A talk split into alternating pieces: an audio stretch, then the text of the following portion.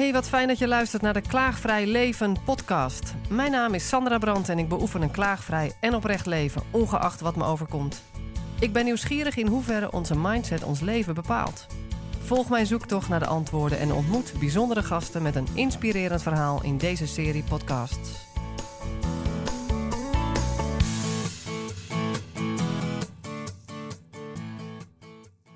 Germaine Kwant. Ik wist niet dat ik al moest beginnen. Je mag beginnen. Ja, ik mag beginnen. Ja, nou hartstikke leuk. Ik uh, ben benieuwd waar dit gesprek ons uh, vandaag toe gaat leiden. Ja, ik, ben al, ik vind het al fijn dat ik je even gesproken heb op je ja. heerlijke balkon hier in Den Haag. Dankjewel ja. voor de uitnodiging bij jou thuis. En ik zei al, we gaan gewoon in ontmoeting en we gaan het zien, hè? Ik vind het heel Ja. fijn om je te ontmoeten. Ja, zeker. En we hebben natuurlijk eh, van tevoren al aardig wat contact gehad en uh, over onze passie voor spreken gesproken. Ja, Mooie zin, spreken gesproken. over spreken gesproken. Laten we met elkaar spreken. Ja, Ja. Wat vind jij fijn om sowieso mee te beginnen? ehm, ja, misschien een heel klein stukje achtergrond. Dat is wel denk ik handig. Anders dan eh, Ja. denken die mensen ook, wie is dat? Met die heese mooie stem. Dat is misschien handig om mee te beginnen. Mhm. Dat ik een stukje vertel waar ik, Mhm. waar ik vandaan kom. Mhm. Ja. En wat vind je daarnaast nog heel belangrijk? Mm, Ik vind het wel heel erg leuk om, waar we het net aan het begin ook al een beetje over hebben gehad toen we op mijn eh, balkon zaten. Ja, wat maakt nou dat je je levenspad bewandelt en hoe, hoe Mm. gaat dat nou eigenlijk? En hoe kan je dan wat meer met jezelf in contact komen? Want dat merk ik gewoon dat, en mijn vak is voeding, even op de dingen vooruitspringend, maar ik merk gewoon dat niemand, of niemand, heel veel mensen kunnen niet meer voelen wat voeding voor hun lichaam doet en betekent. En dat merk ik ook gewoon van wat, wat wil je nou met je leven en waar ga je naartoe? En het lijkt wel of heel veel mensen het contact totaal met zichzelf kwijt zijn. En dat Mhm. eh, vind ik wel heel interessant om over Ja, te dus dat wordt een beetje rode draad. Ja. Voeding en contact met Ja. jezelf. En het woordje rebels is mij ook bijgebleven. Ja, dat sowieso. Ja, dat nou, die is, gaat eh, ook terugkomen. nou, begin bij het begin, voor de context. Ja, voor de voor de mensen die jou niet kennen, Janine. Nou, ik ben, ben Jemena, eh, geboren en getogen Hagenese. We zijn in Den Haag. Vind ik altijd wel leuk om te zeggen. Waarschijnlijk hoor je het ook wel een beetje. Eh, toen ik 25 was, kreeg ik te horen dat ik nog maar één jaar te leven had. Inmiddels ben ik 37. Ik ben twee nieuwe longen verder. Een heel lang traject afgelegd. Ik had een zeldzame en dodelijke hart-longziekte. Inmiddels promoveer ik op die ziekte. Ik ben bijna klaar. Mijn proefschrift is bijna af. En ehm, heel vaak vragen mensen aan mij van nou, hoe ben je nou zo ver gekomen? Dan zeg ik natuurlijk door de voeding. Voeding is mijn vak. Maar ik denk ook door eh, de rebel in mij. En daar eh, ja, hoop ik anderen ook toe te inspireren om hun innerlijke rebel aan te zetten. Wauw. Ja, En geen universiteit gedaan en wel promoveren. Ja. Kijk, daar hou ik van. Dat is nog eens een gedragen Ja. weg die jij hebt gedaan. Ja dat is wel een heel leuk verhaal. Eh, ik heb eh, HBO voeding en diëtetiek gedaan. Daarna gelijk mijn eigen praktijk gestart. Heel veel vervolgopleidingen, orthomoleculair, eh Ayurvedisch. Je kan het zo gek niet verzinnen. Ik sta altijd overal voor open. Dus ik dacht, ik wil daarin ook mijn eigen pad bewandelen. En eh, nou ja, het voedingscentrum achter me laten. Dat eh, vind ik wel even belangrijk. eh, dat, eh, ja, dat leer je op de opleiding, maar daar was ik het niet, totaal niet mee eens. eh zachtjes uitgedrukt. Nee? Dus Dat ehm, is- nee, dat was voor mij voelde dat gewoon niet, niet oké. En ik wilde me heel graag verder specialiseren in hart- en vaatziekten. Ehm, Hmm. en ook eh, patiënten intuïtief begeleiden. Dus vanuit kennis, maar ook vanuit eigen ervaring. Dat, dat is wel iets wat heel erg bij mij past. Ehm, niet wetende dat ik zelf dus iets aan mijn hart en mijn vaten en mijn longen had. Toen, toen ik de diagnose kreeg, eh, werd ik behandeld in de VU in Amsterdam. En mijn behandelaar daar, dat, ja, dat is gewoon een heel bijzondere man. En ik vroeg aan hem van, nou, weet, weet jij of er iets is wat ik met voeding kan doen? Want ik wil zo graag mogelijk ja, mezelf ondersteunen. Nou, daar was niks over bekend. Dus ik ben allerlei dingen op mezelf gaan uitproberen. Rare diëten, eh, soms hele goede diëten. Dingen die ik nooit met patiënten aan zou raden, zijn ook zeker voorbij gekomen. En wat hij tegen mij zei, was... Hoe jij hier voor mij zit, klopt gewoon niet. Want als ik in jouw dossier kijk, zie ik iemand die eigenlijk niks meer zou moeten kunnen... die op sterven na dood zou moeten zijn. En hier zit een jonge, springlevende vrouw voor me... die fulltime werkt, op reis gaat. Vertel mij het maar, ik begrijp er helemaal niks van. Ik zei altijd, nou, dat komt door mijn voeding. Ehm, het zou wel met verschillende factoren te maken hebben... maar voeding was echt mijn houvast voor mij. En uiteindelijk gebeurde het onvermijdelijke... en doet die pulmonale hypertensie, zoals die ziekte heet... wat hij altijd doet. En had ik een heel snelle klinische achteruitgang. Dat was wel pas na 4,5 jaar. Dat is op zich al vrij bijzonder in de staat waarin ik in het ziekenhuis binnenkwam. Ik had al deze ziekte al een behoorlijke tijd. Pulmonale hypertensie is een te hoge bloeddruk in de longslagader. Ja, in de longslagader. En dat leidt dus tot uh, rechtszijdig hartfalen. En dat is de kant van het hart die eigenlijk ja, qua onderzoek nog in de kinderschoenen staat en die we ook nog niet kunnen maken. Dus daar, daar is gewoon niks aan te doen als dat, uh, dat gaat falen. Um, Aha, dus door het falen van de rechterkant van het hart door de pulmonale hypertensie overlijden mensen ja, uiteindelijk. Ja, en um, ja, de gemiddelde levensverwachting na diagnose is drie tot vijf jaar. Maar ja, ik vind dat altijd van die cijfers, dan denk ik, ja, elke situatie is weer anders. Hè? Mm -hmm. Dus uh, daar heb ik me ook totaal niet mee bezig gehouden. Maar ja, ik ging wel echt heel hard achteruit het laatste half jaar. En, uh, en over welke leeftijd heb je het nu? Toen was ik uh, net 30. Hm. Dat was ongeveer vijf jaar later. En toen um, ben ik op de transplantatielijst gegaan. Heel veel geluk gehad. Uh, ik heb al die tijd gezegd, het komt goed. En, ja, voelde je dat ook zo? Ja, ik voelde het wel zo. Ik voelde op een gegeven moment wel dat ik dood aan het gaan was. Toen dacht ik, ja, als dit het is, heb ik er in elk geval alles aan gedaan. Dus ik had ook een soort berusting op dat moment. Wat heel bevrijdend werkte. Uh, maar ik had wel zoiets van, ja, ik, ik, ga niet zomaar opgeven. Dat had ik wel heel sterk in mij. En uh, toen zes weken nadat ik op de lijst stond, waren er longen voor mij beschikbaar. En vanaf dat moment wist ik ook, ja, nu, nu is het gewoon gebeurd, nu gaat het goed komen. En ik ging ook uh, uitzinnig van blijdschap de OK op. Ik denk dat ze dat nog nooit op die manier hebben gezien. En um, nou, toen kwam nog de IC, dat was wel echt de hel daar heb ik me met de beste wil van de wereld niet op voor kunnen bereiden. Nou ja, jij hebt natuurlijk ervaring. In hetzelfde ziekenhuis ja. op de intensive ja, aan ja. de andere kant. Ja, alleen ik was, ik was in Groningen ge getransplanteerd. Dus daar uh, uh, ja, lag ik op de IC. En ja, dat, dat, daar heb ik gewoon heel veel complicaties gehad. En het ging echt heel slecht. En het lukte maar niet om van de beademing af te komen. Hmm. Daardoor praat ik ook zo. Ik heb uh, blijvende stemschade. Door de, de, door de beademing, ja, ja, door de intubatie. Vier keer opnieuw geïntubeerd. Ah. Uh, hartstilstand gehad, uh, de duivel gezien. Nou, alles is de revue gepasseerd op de IC. Wil je daar iets over vertellen? Ja, zeker. Ja, ik, ik was een week lang in slaap gehouden. Omdat ik tussenwak was om überhaupt wakker te mogen worden. Ik lag aan de hartlongmachine. die mijn circulatie had overgenomen en mij in leven hield. Ik lag uiteraard aan de beademing. Want ja, die nieuwe longen werken niet zomaar vanzelf. Ik lag aan de dialyse. Ja, dus nou, voor de, de nierfunctie werd overgenomen, de hart- en de longfunctie ja, werden allemaal ja, overgenomen. Ja, en um, toen werd ik wakker. Um, en ik kan me nog herinneren dat ik had het onwijs heet. Ik had het echt niet normaal heet. En ik probeerde te communiceren via een letterkaart. Want je kan natuurlijk niet praten als je aan de beademing ligt. En, oh, het was allemaal zo zwaar. En ja, het ging gewoon allemaal heel moeizaam. En ik, mijn moeder en mijn toenmalige partner waren bij mij op de IC. En ik zag ineens de duivel in de hoek. Ik was al aan het hallucineren, die, want ik had al gezegd dat ik gele ballen zag en draden. Maar dat had je ook morfine en dat soort dingen, of niet? Uh, ja, ik was, ik, was, ik, was nog, ik was net wakker.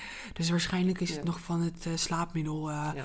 geweest. Maar op een gegeven moment zag ik dus de duivel. En dat probeerde ik ook duidelijk te maken. Want dat voelde niet als die hallucinaties, zeg maar, ah, op dat moment. Okay. Dus ik werd daar echt heel bang van. En ik voelde hem ook dichterbij komen vanuit de hoek. En het was, het was een soort alles overweldigend iets op dat moment wat op mij afkwam. En um, mijn moeder en mijn, mijn, partner gingen toen weg. En uh, ik dacht, oh, ze moeten niet weggaan. Weet je wel, ik was, ik was echt helemaal. Het voelde alsof ik verzwolgen werd op dat moment. En toen kwam de verpleging en toen kreeg ik een hartstilstand. Dus dat uh, hebben ze me actief moeten reanimeren. Bizar. Ja, en daarna ben ik ook, heb ik ook niet meer geslapen op die IC. Want ik denk, als ik mijn ogen dicht, dan komt die duivel weer. Daar was ik echt heel, heel erg bang voor. Uh, ik heb er later ook best wel veel over gesproken. Met ja, mensen die toch wat meer in het spirituele zitten. Van ja, waarom komt die duivel mij dan halen? Ik dacht, ja, ben ik dan zo een slecht persoon? Ja, je gaat proberen. Ja, je wilt een verklaring hebben ja. van waar, waarom is dat? Hmm. En waar ik uiteindelijk wel begrip voor heb, of wat voor mij logisch klinkt, is dat op de IC ben je gewoon heel zwak. En dan sta je niet alleen voor het goede open, maar ook voor het kwade. En dat, ja. dat heeft mij rust gegeven door de, die verklaring uh, ja, daarop te plakken. En uh, dat heeft voor mij wel, ja, dat ik dacht, ja, het is dus niet omdat ik een heel slecht persoon ben of zo. Dat, nee, dat was nee. iets waar ik me heel erg druk om ging maken. Um, nou, toen uh, van de IC af ben ik um, uh, ja, gaan herstellen. Ik, ik, kon eigenlijk helemaal niks meer. Ik moest weer opnieuw leren lopen, leren praten.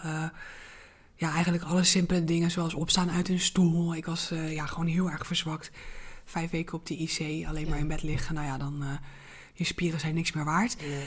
En toen ik weer trap kon lopen, mocht ik naar huis. Dus dat was uh, een enorme overwinning. Dat voelde als de Mount Everest beklimmen.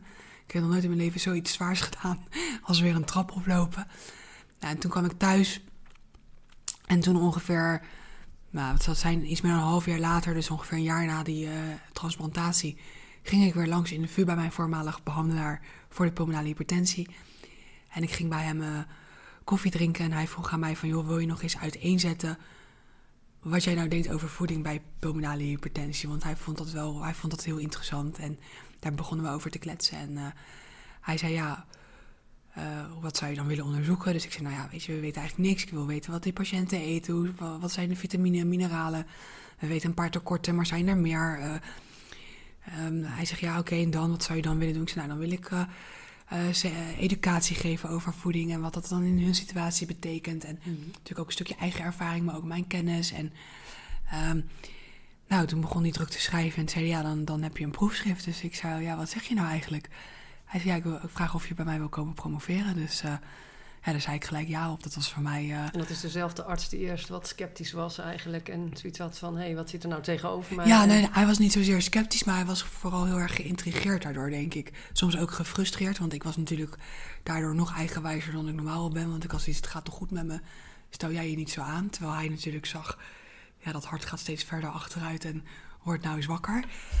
Um, maar hij was, hij was daar gewoon heel erg door ge geïntrigeerd. En vooral ook wat hij heel belangrijk daaraan vond was... Um, patiënten leven door de huidige behandeling steeds langer.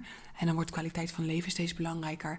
En hij is er gewoon, net als mij, van overtuigd dat je met voeding patiënten een heel belangrijke tool in handen geeft... om mm. zelf hun kwaliteit van leven te verbeteren. Mm. Dus het was tijd om dat ook eens te gaan onderzoeken. Mm.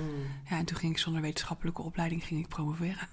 Ja, en daar ben je mee bezig nu? Ja, ik ben bijna klaar. Ja. Serieus? Ja, in september zet ik een punt in mijn proefschrift. Dan is het af, dan moet het goed zijn. En hoe ziet het eruit daarna voor jou? Ja. Daar wil je de boer mee op? Of ja, ga je al? Wat, ja, uh, ja wat, ik, wat ik eigenlijk... Uh, Want je hebt laatst een presentatie al gegeven, toch? Ja, Vertelde je net? Ja, ja. In ik, voorgesprekje. Ja, ik... Uh, Waarin ja. je niet allerlei uh, standaard dingen hebt gedaan. Nee, dat nee. toch wel even ja, in nee, de opname. Ja, nou, ik zeg, mijn werk is eigenlijk tweeledig. Hè. Dus ik, ik draag dat rebelse uit en daar praat ik over. En in mijn praktijk activeer ik rebelse patiënten. Maar ik heb natuurlijk ook een hele wetenschappelijke kant. En daar ja, ben rebels ik... bedoel je mee, luister naar jezelf? Ja, rebel, oh, dat is wel goed dat ja, je het vraagt. Ja, nou, voor mij heeft een rebel drie kenmerken.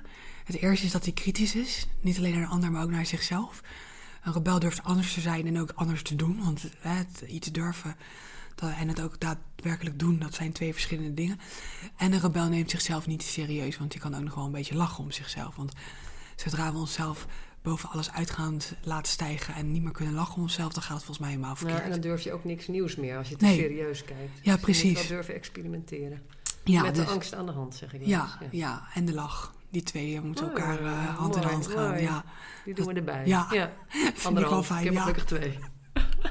dat scheelt. Oké, dus, dus- je, is in je praktijk is het niet alleen de rebelse kant, zei je? ja, ook de, voedings, ook de voedingskant. Dus Mhm. Nou, daar, daar zie ik mensen met heel complexe en zeldzame ziektebeelden. En dan ga ik gewoon kijken van, nou, wat, wat, wat kunnen we nou doen om jouw kwaliteit van leven te verbeteren. Mhm. Maar daarnaast ben ik natuurlijk ook wetenschapper en vind ik het heel leuk om onderzoek te doen en ook over mijn vak voeding te vertellen in de wetenschappelijke wereld. En ik moest laatst een stuk van mijn onderzoek presenteren voor een eh, ja, wetenschapscommunity eh, binnen de pulmonale hypertensie. En wat voor En- mensen zijn dat dan die daar zitten? dat zijn allemaal doctoren en professoren of PhD-studenten. Dus eh, dat is het een beetje het kaliber. Ja, en wat dan eigenlijk gangbaar is, is dat je eigenlijk alleen maar je resultaten presenteert. Van nou, dit is significant of we hebben dit gevonden. En Dus gangbaar is dat je precies eh, de onderzoek zelf bespreekt. Dus Ja, wat er dus- eventueel aan bias zit. Of Ja, ja, nou, dat termen. het is vaak een korte presentatie, dus van een paar minuten. Dus daarin highlight je eigenlijk de belangrijkste resultaten en je conclusie. Maar wat in mijn onderzoek heel erg naar voren is gekomen, is dat vooral de methodiek heel erg onderscheidend is geweest. Ik heb een e-learning ontwikkeld. En ehm, waarin patiënten in zeven lessen of acht lessen leerden wat kwaliteit van leven is, hoe je het met voeding kan verbeteren en hoe dit nou in relatie staat, de voeding tot de ziekte. Nou, daar is heel weinig over bekend, dus daarin heb ik vooral mijn eigen logisch redeneren op losgelaten. Van nou, het is, je hebt weinig energie met pulmonale hypertensie. Nou, hoe kan je nou met voeding je energie verbeteren? Dus dat is eigenlijk heel simplistisch even uitgelegd. Ehm, maar ik dacht, nou, ik ga in, dat, in die presentatie ga ik niet zeggen...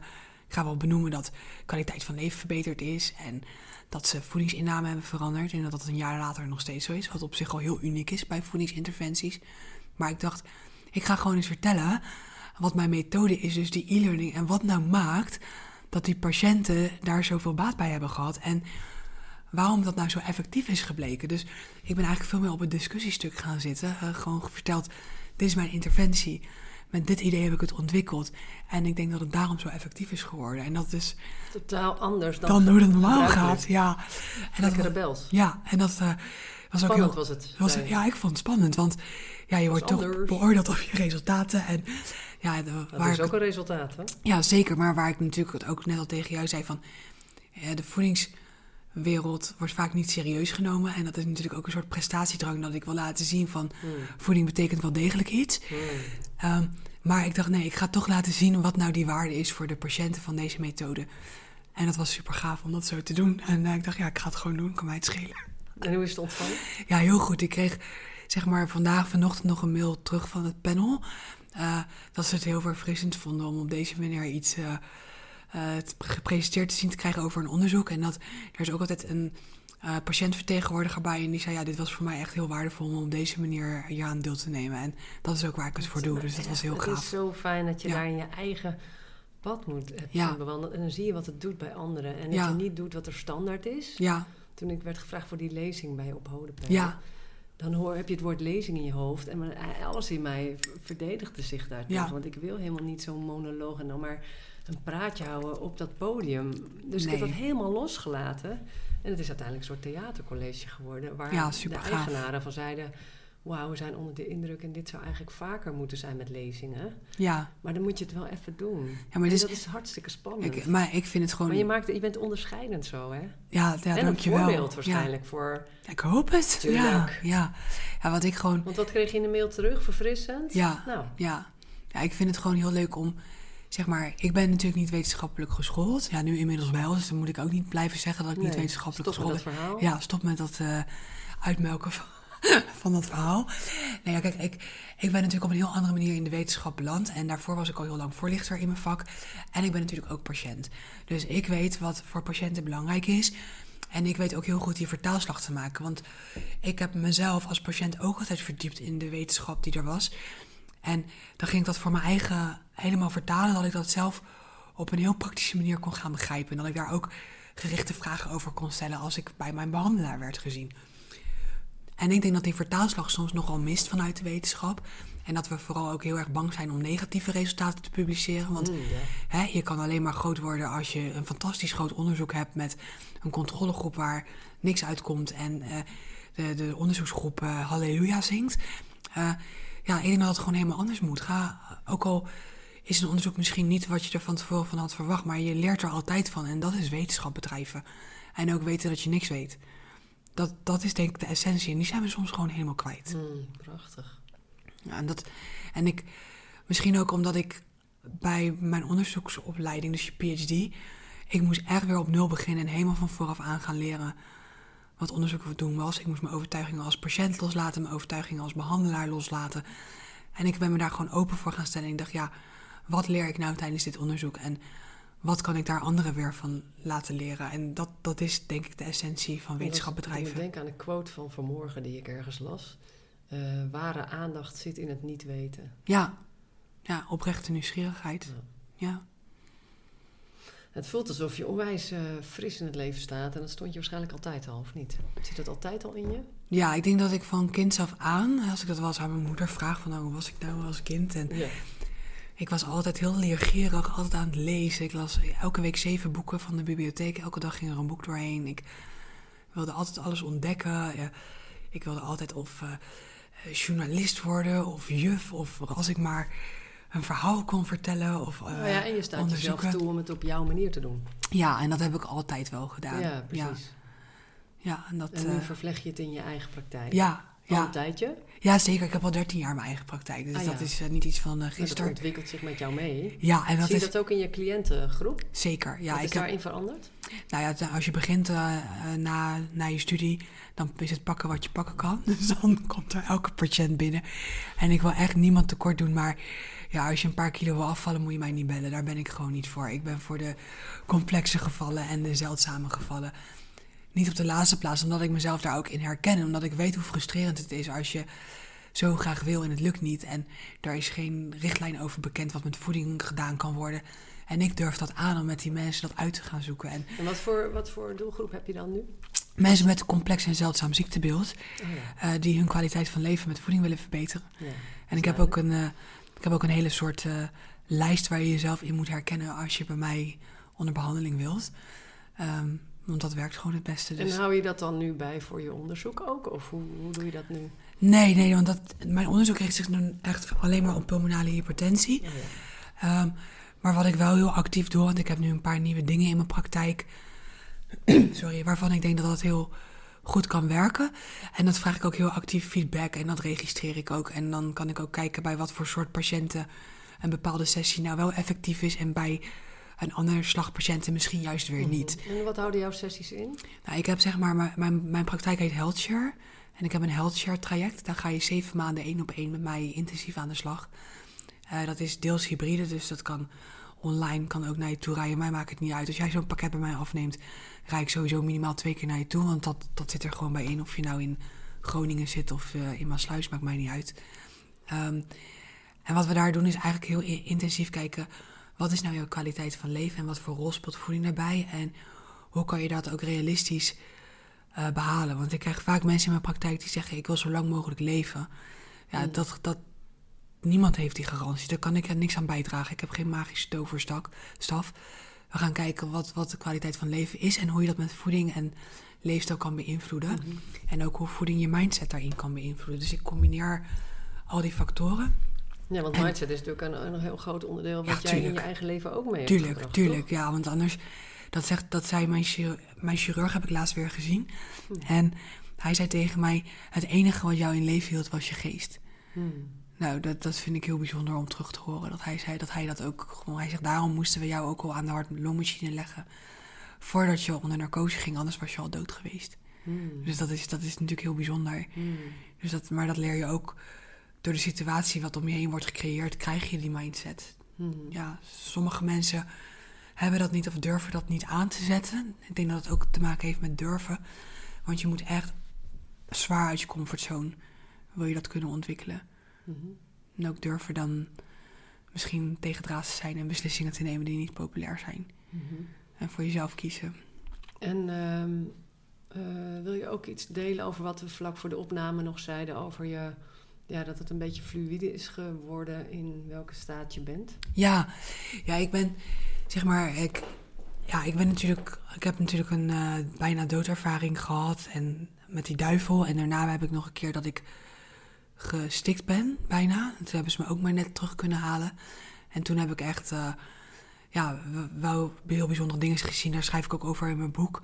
Uh, Ontiegelijk lange adem. Die, die gooi ik er eventjes eh, doorheen. En beschrijf ik dat ook gewoon uitgebreid. Dat ehm, ik, zeg maar, dan mezelf als eicel zag en bevrucht zag worden. En helemaal ontwikkelen. En toen ging ik langs velden met bloemen. En nou ja, het was echt alsof heel mijn leven aan mij voorbij flitste op dat moment. En toen kwam ik ook bij een soort witte trap. En dat was prachtig. En ik werd er naartoe gezogen. En ineens dacht ik, ja, hallo. Maar hiervoor heb ik dit niet alles voor doorstaan om nu me hier aan over te geven. En toen werd ik een soort van in bed teruggegooid. En toen werd ik weer wakker.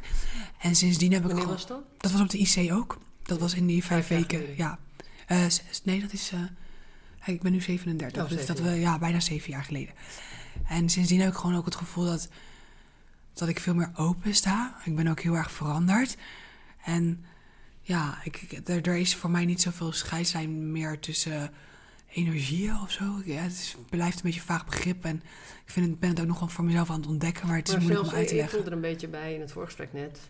eh, dat je eigenlijk ook bedoelde dat er niet zoveel scheidslijn tussen dood en leven Ja, zit. Ja, Bedoel je dat. toch? Ja, dat. Ja. Dus dat, dat bedoel ik ook met energie. Zeg maar, hè, er zijn energieën en er zijn dingen die we niet kunnen begrijpen. En er gebeuren dagelijks dingen waarvan je denkt, oké, hoe zit dat dan? En, en waarbij ook tijd eigenlijk maar een concept is, Ja, afstand ook. ja, zeker. Dat, dat, eh, ja, tijd is een fluïde of een fluid, hoe je dat wil noemen. Dat, dat, is, dat is gewoon, ja, het is een heel raar begrip. Er, er is, zeg maar, wij hebben hier ons leven. Je hebt een levenspad en nou, ik heb ook wel gevoeld dat er ook andere dingen zijn. En wat dat dan is, of dat nou God is of eh, geesten of weet ik veel, entiteiten, hoe je het wil noemen. Ik, ik heb geen idee en dat eh, Hmm. laat ik me mee verrassen. Ja. Ja, ja, Wauw. Mooie eh, spirituele wetenschapper ben je. ja, ja. Hoe Ja, heet je boek nog een keer? Even rustig. ja. Mag je gewoon oh, zeggen? Ontiegelijk lange adem. Ja, Ontiegelijk ja, Mooi. ja. Dus dat is eigenlijk mijn hele verhaal van, eh, van diagnose tot, tot aan nu. Ja. Voel je je nog patiënt? Soms wel. Hmm. Ja, tuurlijk. Je probeert dat niet te zijn en eh, je wil dat niet. Maar ik heb ook nog zat vaag kwa- kwaaltjes en klachten. Ik neem aan dat je nog aan de medicijnen zit. Sowieso, immuunsuppressiva slik ik. Om te voorkomen Tegen dat, eh, afstoting, ja. ja. Dus daar heb ik ook heel veel bijwerkingen van. Ik heb eh, veel zenuwpijn. Ik heb heel lang heel helemaal niet kunnen slapen. Echt jarenlang niet. Ook, eh, ja, toch wel dat ik s'nachts ook heel vaak stikkend wakker werd. Ik dacht altijd dat ik geen IC-trauma had, maar blijkbaar toch wel. Nou, ik zou denken dat je dat hebt. Ja, ja, bij mij moet het ook altijd pikdonker zijn in de slaapkamer. Dat is, ja, op de IC is de, geen dag en nacht. Eh, Het is Mm. altijd licht. Hmm. Want zelfs in de avond, als de lichten worden gedimd, ja, dat is nog licht. Ik bedoel, het is nooit lekker donker. Dus altijd, ge- altijd geluid. Alarmen. Dus ik eh, ben daar echt wel een beetje spastisch in met slapen ook. Als er maar één streepje licht is, ga ik de gordijnen weer opnieuw dicht doen. Dat gaat er ook niet uit, wat ik ook probeer. Ik heb wel EMDR gedaan. Hmm. En sindsdien slaap ik echt goed. Dus dat, dat is voor Hmm, mij echt... fijn. was ik ook in twee sessies was ik van mijn slaapproblemen af. Dat ik dacht, oké, hier heb ik dus al die jaren mee rondgelopen. Het voelde eigenlijk een beetje als aanstellen. Maar die vrouw zei, ja, je reageert gewoon heel goed op die eh, therapie. Dus dat, Mm. eh, dat was heel fijn. Fijn. En ja, en ik heb natuurlijk ook, kijk, ik heb hele goede dagen, maar ik heb ook hele slechte dagen. Mhm. En, en daar wil je eigenlijk niet aan toegeven. Maar ik merk wel als ik nu gewoon over het algemeen wat rustiger doe. Wat, dat ik 's ochtends wat rustiger opsta en niet gelijk aanga en eh, mijn huis ga poetsen en ga koken en noem maar op. Dat dat toch wat beter voor me is. En dat vind ik heel vervelend om toe te geven. Maar Ik merk het aan hoe je het zegt. dat is gewoon, ja, daar moet ik gewoon aan geloven. Dat ik ook mezelf die rust moet gaan gunnen. Vervelend dat je Ja. niet om half zes al mag koken 's morgens. Ja, nou, normaal deed ik dat altijd. En maak ik ook altijd ontbijt voor iedereen. En lunch gaat mee. En nou ja, gelukkig is mijn En nu ga je eerst relaxed met een kopje thee op Ja. balkon. En daarna Ja. ga je koud douchen. Ja, lekker. Ja, heerlijk. Want dat moet, zei je. Ja, dat vind ik zo lekker. Dan begin ik mijn dag echt eh, fantastisch. Dat, dat doe ik al... eh, nou, dat doe ik echt al heel lang. Dan denk ik al 15 jaar of zo. Mhm. Dus dat, eh, dat zit er gewoon Het in. is echt een reset. Ja, bijvoorbeeld, wij waren dit jaar waren wij naar Mexico. Hebben we daar lekker rondgetoerd met z'n tweeën. En had je op sommige plekken heb je geen koud water. Want het is natuurlijk gewoon ja, de temperatuur van de leidingen. En eh, dat, dan mis ik dat echt. Dan denk ik, ja, hallo, en nu? Hoe gaat mijn dag nu beginnen? Mooiste plek van de wereld. Midden in de jungle. En mevrouw water. mist haar koude douche, weet je. Ja, dus, eh, ja, maar dat is gewoon echt een gewoonte. ding, hè? Ja, ja, dus nee, en ja, qua patiënt zijn, kijk, tuurlijk, ik heb altijd kans op afstoting. Altijd blijft die kans dat je eh, eh, kanker krijgt, verhoogde kans op kanker, natuurlijk door de immuunonderdrukkende therapieën. Ehm, maar ik richt er alles wel omheen, zo goed mogelijk in dat dat niet gaat gebeuren. Ik heb dat natuurlijk ook niet voor te zeggen, maar ja, ik ken mijn lijf wel aardig goed en eh, ja, ik zorg daar ook heel goed voor. En bijvoorbeeld niet alleen met mijn voeding, maar ook lekker regelmatig sauna, eh, nou, koud douchen, eh, meditatie. eh, gewoon bewegen, ja, natuurlijk ook krachttraining. Nou ja, en, en vergeet niet dat jij eh, de dingen doet die, eh, die kloppen. Dus je bent echt bezield aan het werk ook. We zeiden Ja. al van dat heet eigenlijk geen werken, maar eigenlijk zou dat Ja. het echte werken moeten heten. ja, dat is, dat We is echt werken zo. met wat ons Ja. gegeven is. En dat is bij jou zo duidelijk ook. En dat is volgens mij zo gezond. Als we het dan over immuunsysteem hebben, maar is dat zeker een onderdeel die je erbij moet noemen. Ja, het is ook heel leuk, want als ik mijn bloedwaarde laat meten in het ziekenhuis, daar ben ik altijd heel trots op. Uh, meten is weten, dat is de wetenschapper. Eh, dat mijn nierfunctie en leverfunctie zijn perfect. Die zijn zelfs, eh, nou, ik denk dat, dat menig geen gezond mens dat niet zo goed heeft. Maar ook mijn immuunwaarden, die zijn eigenlijk hetzelfde als een gezond persoon. En dat zie Terwijl je een medicatie hebt die dat ja. probeert te onderdrukken. Ja, dus ik ben ook, ja, ik ben vaak wel echt heel sterk. Ja. Ik heb laatst voor het eerst wel een luchtweginfectie gehad. Dat vond ik wel echt even spannend. Ja. Want dan is het toch ineens dat orgaan wat zo kwetsbaar is. Ja. Ehm, maar ik moet ook wel zeggen dat het voor mij voelt alsof het voor het eerst in mijn leven goed is met die nieuwe longen. Alsof wij gewoon bij elkaar horen. Oh ja? Ja, zo voelt dat echt voor mij. Hmm. Dus dat, eh, daar vertrouw ik ook op. Wat ik ook nog wel eens gelezen heb, volgens mij, ik weet niet of het bij Pim van Lommel is, bij het krijgen van organen van iemand anders, dat er ook iets spiritueels verandert in je systeem. Ja, ik ben helemaal veranderd. Wil je daar iets over vertellen? Ja, tuurlijk. Ja, het is... In eerste instantie was ik heel vaak heel verdrietig en angstig. En dat het ook niet eerlijk voelde of zo. Dat, dat, want ja, je bent aan de ene kant heel blij, maar iemand anders is overleden. Dus Hmm. mag je je dat zelf dan wel gunnen? En uiteindelijk heb ik dat natuurlijk helemaal weten om te draaien door te zeggen: ja, ik ga van mijn leven, mijn levensmissie ga ik uitdragen en anderen helpen en inspireren. En dan heb ik dat, ja, ik vind dan dat dat Een soort goed gemaakt. ja, niet goed gemaakt, maar dan zijn ze echt op een goede plek terechtgekomen. Zo dan Mm. was ik daar weer heel erg mee bezig. Hmm. Ehm, maar ik ben ook echt heel erg veranderd. Ik ben ook, eh, ik ben ook gescheiden na mijn transplantatie. Ik wilde een heel ander leven. Ik was mezelf helemaal kwijt. Ik, ik, ik herkende mezelf niet meer. Ik dacht, wat, Na de wat- ja, wat ben ik aan het doen? Wie ben ik? Eh, Hmm. het was gewoon een- echt een nieuw leven. En dat is los van je IC-ervaring. Ja, los. Dus niet alleen... Ja, de IC heeft natuurlijk ook me wel een beetje gek gemaakt. Ik bedoel, eh, laten, we, laten we eerlijk zijn. Eh, ik heb ook een van mijn artsen heeft gezegd...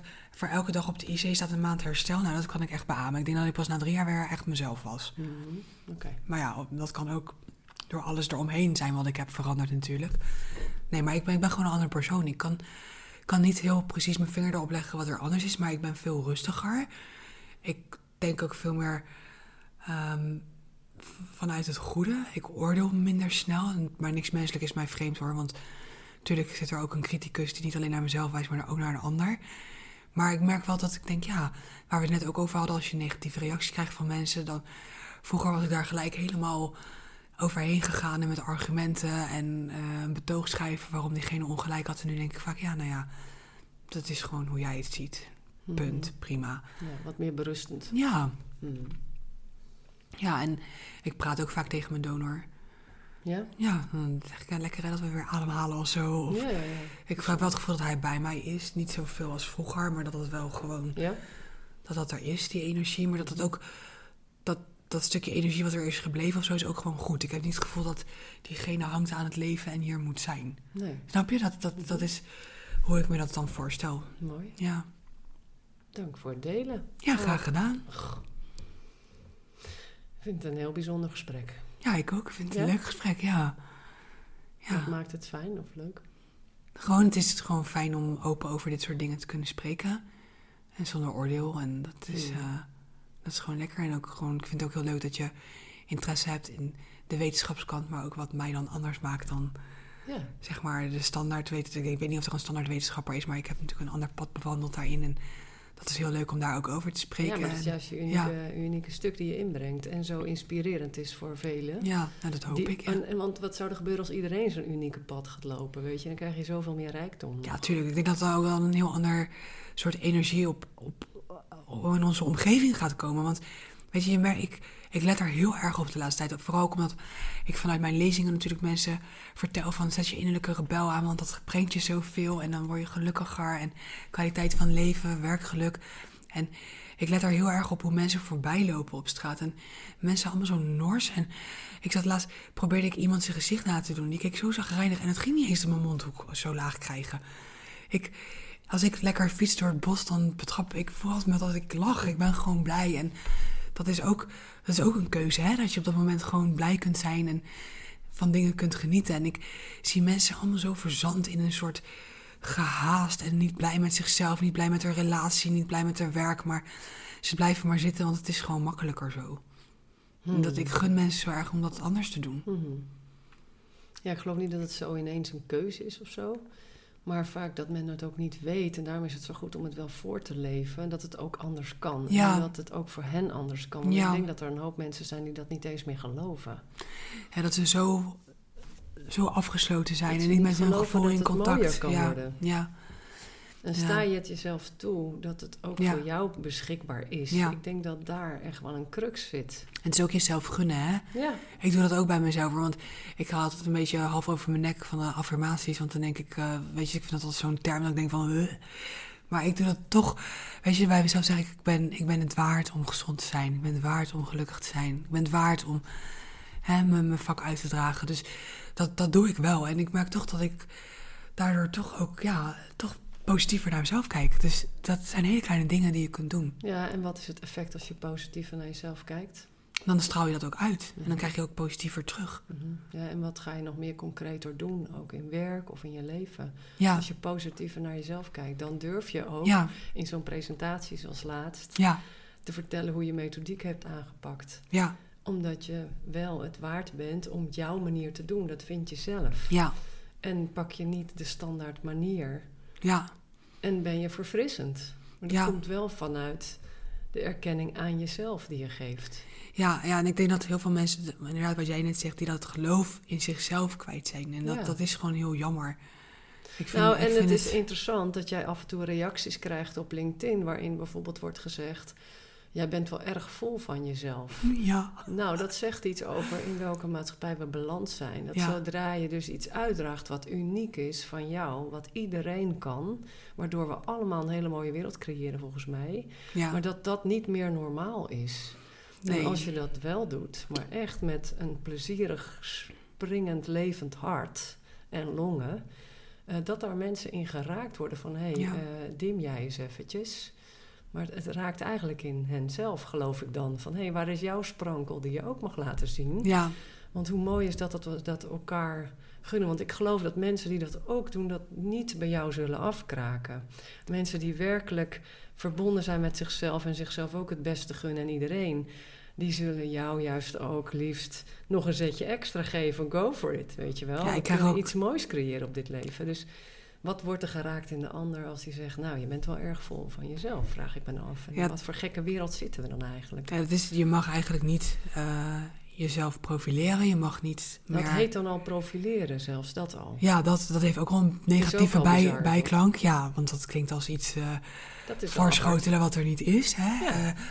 Eh, eh, ja, dus ik, weet- ik weet ook niet precies wat het is. Maar ik krijg, ik krijg natuurlijk aan de andere kant krijg ik echt heel veel leuke reacties. En mensen die, mensen die net zoals jij, dat je zegt... Ja, ik wil gewoon een podcast met je opnemen. Nou, dat is, dat is gewoon gaaf. Weet je, dat mensen je daarvoor vragen. En eh, ook mensen die zeggen... Nou, ik, weet je, dan praat ik bijvoorbeeld over hoe moeilijk het is... om onderzoeksgeld binnen te krijgen voor voedingsonderzoek. En dat ik dat eigenlijk op een heel andere manier wil gaan doen. En dan zegt weer iemand, nou, daar ga ik je bij helpen... want ik heb een enorm netwerk in het zakenleven. En dan denk ik, wauw, weet je wel, dat is Ja, fantastisch. Maar dan positief. toch zo'n kutopmerking dat het knaagt toch. Ja, aan, de andere kant denk ik wel, ja, het zit gewoon in die persoon. Maar wat maakt dan wat jij zegt bij die persoon dat die zo erg daarop reageert? Dat Ja, en- dat en- ook de noodzaak voelt om dat ook plein publiek. te zeggen tegen mij. Ja, dat en vind ik, stiekem een volgend stapje, wat maakt dat het ons of jou nog triggert. ja, dat ook, ja. En eigenlijk zouden we hem ook weer als wegwijzer kunnen pakken. Van hé, hey, Ja. je zit op jouw pad. Die je misschien ook wat in hebt gehouden vroeger. En nu steeds meer opener gaat gooien. Ja. En daar kan je nog op gepakt worden. Want daar kan Ja. jij ook nog op getriggerd worden. Zeker, zeker. En En toch is het een teken dat je in ontwikkeling bent. het is ook... eh, En je reageert er niet meer op. En Voorheen was je daarop Ja, gaan reageren om gelijk. toch erkenning te krijgen van de ander. Om maar goed te zijn zelf. Maar dat doe je niet meer. Nee, helemaal niet. Nee. En kijk, ik heb heel erg sterk die drang om mijn verhaal te vertellen en eh, anderen daar hopelijk eh, mee, dat het wat eh, bereikt bij hun en triggert. En ik hoop op een positieve manier en op een negatieve manier hoop ik dat ze dat inzicht krijgen van nou, waarom triggert het mij dan? Maar het is ook heel spannend. Want het is, je stelt je enorm kwetsbaar op. En als ik iets moeilijk vind, is het me kwetsbaar opstellen. Want ja, ik heb natuurlijk altijd gevochten ehm, om te overleven. Ja, en dan kwetsbaar zijn was geen optie. En dat, dat, dat, is, dat is wel iets wat ik echt moet leren. Want ja, Mm. hoe kwetsbaar je je opstelt, hoe ja, vaker je ook dit soort dingen zult krijgen. En ja, hoe ga je daarmee om? Ja, En wat dus leer je hoe daarvan? opener je Ja. opstelt, het woord kwetsbaar gebruik ik zelf nooit meer. Want dat betekent dat ik gekwetst kan worden. Ja, oh ja, dat is goed. Maar ja. je stelt je open op. En dat betekent ook dat je geraakt kan worden. Dus je bent eigenlijk raakbaar. En dat maakt je wel mens. ja, Wat voor heel veel mensen ontzettend fijn is, dat je je als Ja. mens opstelt en raakbaar bent. Ja, dat durf, dat durf ik ook wel, want ik vind het Alleen je hebt helemaal- wel genoeg mensen om je heen nodig die jouw buddy zijn Ja, om dit te Ja, dragen. zeker. Ja. maar die heb je wel. ja, zeker weten. Ja, dat heb ik zeker. En En een witte muur is altijd makkelijker zwart te verven dan een zwarte wit. ja, dat is zeker dus goed. die ook, ene ja. opmerking is meteen heel Ja. muur zwart. Ja, dat is echt zo. Kijk, ja, en ik, ik kan me ook best wel kwetsbaar opstellen. En ik vind het helemaal niet erg om over mijn eigen verhaal. Maar toch, hoe meer je je laat zien, dat is ook een drempel die je over moet. Hè? Het is heel veilig om dat... Nou, moet niet. kleine- Daarom vraag ik ook wel elke keer toestemming. Je hoeft niet alles Nee, in de openheid te gooien op elk moment natuurlijk. nee, nee, nee dat, dat, dat, dat snap ik. Ehm, maar ik bedoel, als je zeg maar op een podium staat en je gaat steeds meer van jezelf laten ja, zien. zo. Dat, dat, dat heb jij denk ik ook ervaren. Het is best wel heel spannend om iets nieuws Mm. te laten zien wat je zo eigen is. Mm. En niet de standaard lezing te geven. Mm. Nee, En dat klopt. is ook een En stuk toch voelt kwetsbaarheid. het als de enige weg. Ja, Het moet.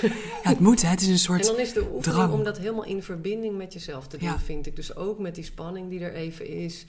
En wat jij zegt met de lach aan de andere hand, dat is ook Ja. een mooie. Eh, maar dit is wel de weg, Ja, voelt het.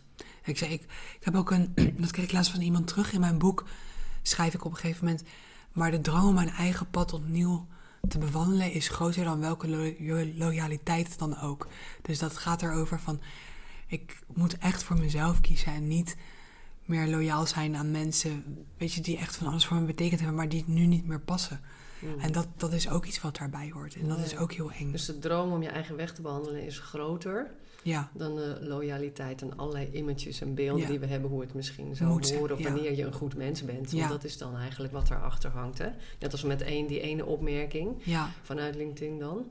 Ehm, ja, dan ben je eigenlijk even geraakt in dat stukje, oh ben ik wel goed als mens? Dan ga je je bijna verdedigen. ja, Maar ja, ja, ja, je bent goed als mens en je bewandelt jouw weg. En die droom Ja. is vele malen groter. ja, En door even dat woord rebel te gebruiken, Ja. ook in jouw praktijk, krijgen mensen daar wel even een aanzetje Ja, voor. Van, zeker. ja, kom op. En jij loopt het voor, dus je steekt die vlammetjes wat even wat ja ik, op. ik zou niet anders kunnen. Ik zou echt niet weten hoe ik mijn leven zou moeten leiden maar als ik zou alles je ook nog? volgens de gebaande wegen... Ja, dag, daar heb ik te veel voor meegemaakt. Toch? denk ik, ja, eh, Ja. Ga lekker allemaal weg eh, met je regels en hokjes. Ik, eh, maar ik heb er nooit tegen gekund hoor, als kind al niet. Ik, eh, ook toen ik mijn eigen, eigen praktijk startte en dan met zorgverzekeraars... dan dacht ik, nou, daar ga ik zo snel mogelijk mee kappen... want ik werd er Oh helemaal ja. niet goed van. Oh, daar ben ik dus ook nooit aan begonnen. Ja. En, nou, ik had al eerder podcast gezegd dat mijn werkwijze vergoed wordt door een, zorg, door, door een arbeidsongeschiktheidsverzekering. En dat vond ik zo gaaf om te horen, want het is mijn eigen ontwikkelde werkwijze. Ja. Ik sta nergens bij ingeschreven. Ja, super. altijd Ja, eh, van afgehouden. Ja. Ik wil het op mijn manier doen. ja, dat is. Zelf ervaren en theorieën daarna gevonden, maar eerst zelf ervaren en doen. ja, En het werkt. ja, ja super gaaf. Het is toch wel Ja, leuk. ja, ik doe dat ook hoor. Ik ben als mijn eigen proefkonijn. Ik ga niks zeggen tegen mensen als ik het zelf niet heb uitgeprobeerd. Hey, Nee. Wat zou je nog willen benoemen als afsluiter? Of mee willen geven? Ja, wat zou ik nog willen benoemen? Ja, ik, ik, ik ben gewoon bezig met mijn missie om zoveel mogelijk rebellen te activeren. En ik denk dat de rebelsheid ook heel mooi past bij klaagvrij leven. Zeker. En eh, dat, eh, ja, ik hoop dat de luisteraars hier wat van opgestoken hebben. Dus dat is het eigenlijk, Ja. ik, ik, ik hoor ook heel graag reacties van mensen. Ja, leuk. Ja, ik ben ook heel benieuwd. Ja, Kunnen ze jou mailen? Is Ze mogen eh, me mailen. Wat is je mailadres? Eh, info at healthshare.nl of info at. Dat kan ook. Ja. Onwijs bedankt, Jermaine. ja, jij ook bedankt.